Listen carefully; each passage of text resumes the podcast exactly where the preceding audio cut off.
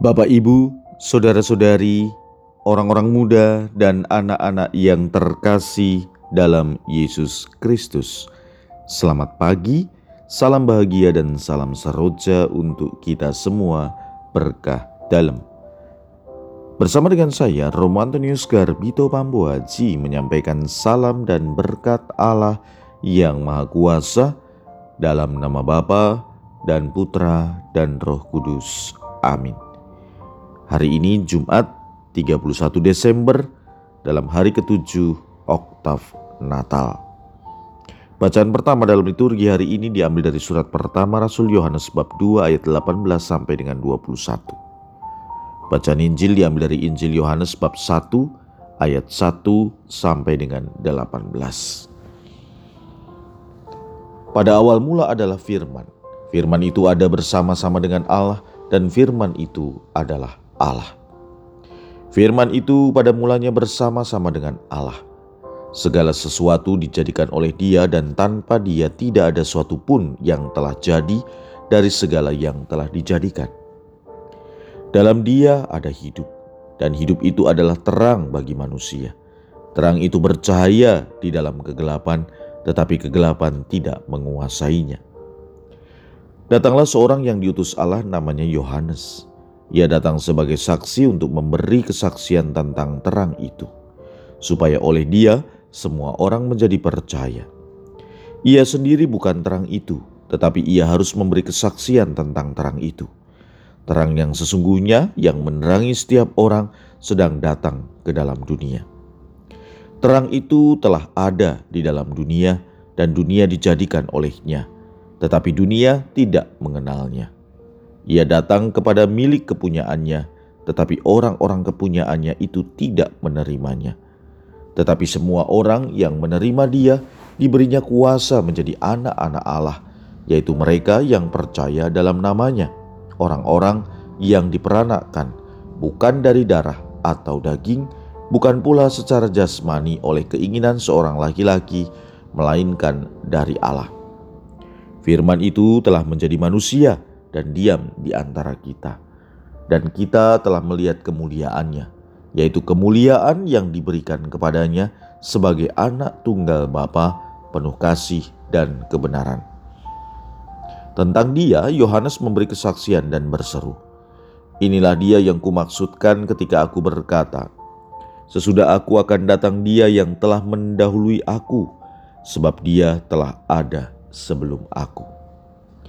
Karena dari kepenuhannya kita semua telah menerima kasih karunia demi kasih karunia. Sebab hukum Taurat diberikan oleh Musa, tetapi kasih karunia dan kebenaran datang oleh Allah. Tidak seorang pun pernah melihat Allah, tetapi anak tunggal Allah yang ada di pangkuan Bapa, dialah yang menyatakannya. Demikianlah sabda Tuhan. Terpujilah Kristus. Di penghujung tahun 2021 ini kita diajak merefleksikan sabda Tuhan dalam Injil Yohanes bab 1 ayat 1 sampai dengan 18. Yohanes memulai Injilnya dengan mengatakan pada mulanya adalah firman. Kalau kita membaca pula kitab Kejadian bab 1 ayat 1 hampir mirip dikatakan pada mulanya Allah menciptakan langit dan bumi. Artinya, Yohanes mengajak kita untuk kembali ke awal dari segala sesuatu. Ini berarti bahwa sejak awal sabda Tuhan atau firman itu sudah ada dan bahwa awal segala sesuatu itu tidak bisa dipisahkan dari Allah dan sabdanya. Firman atau sabda itu ada bersama-sama dengan Allah. Keberadaannya bersama Allah sebelum masuk ke dalam sejarah ditekankan pula oleh Yohanes. Hal ini mau menunjukkan intimitas personal antara Allah dan sabdanya.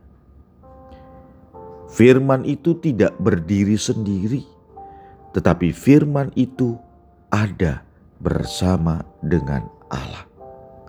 Dan firman itu menjadi manusia. Firman yang sebelumnya ada bersama Allah itu hadir dalam pribadi Yesus. Dalam manusia Yesus, kita bisa melihat bagaimana sabda Allah itu hadir di antara kita. Ia mengambil bagian dalam kelemahan kita. Ia menyampaikan apa yang dikehendaki Allah bagi manusia. Dengan Yesus mengambil bagian dalam kelemahan kita, kita dapat melihat sabda Allah itu. Kita dapat melihat hikmat Allah dan kita dapat melihat kemuliaannya. Saudara-saudari yang terkasih, marilah di penghujung tahun 2021 ini kita melihat kembali, merefleksikan apa yang sudah kita buat di sepanjang tahun 2021 dan merencanakan apa yang akan kita lakukan di sepanjang tahun 2022 nanti. Harapannya, seperti sabda yang menjadi manusia, apa yang kita rencanakan itu kita usahakan untuk dapat diwujudkan. Tentu seturut dengan kehendak Allah. Marilah kita berdoa. Ya Bapa yang kekal, kami mohon penyertaan-Mu untuk kami di tahun yang akan datang. Terima kasih Engkau tetap menyayangi kami, memberi kasih karunia dan rahmat bagi kami di sepanjang tahun ini. Semoga di tahun yang mendatang kami tetap setia kepadamu. Berkat Allah yang Maha Kuasa dalam nama Bapa dan Putra dan Roh Kudus. Amin.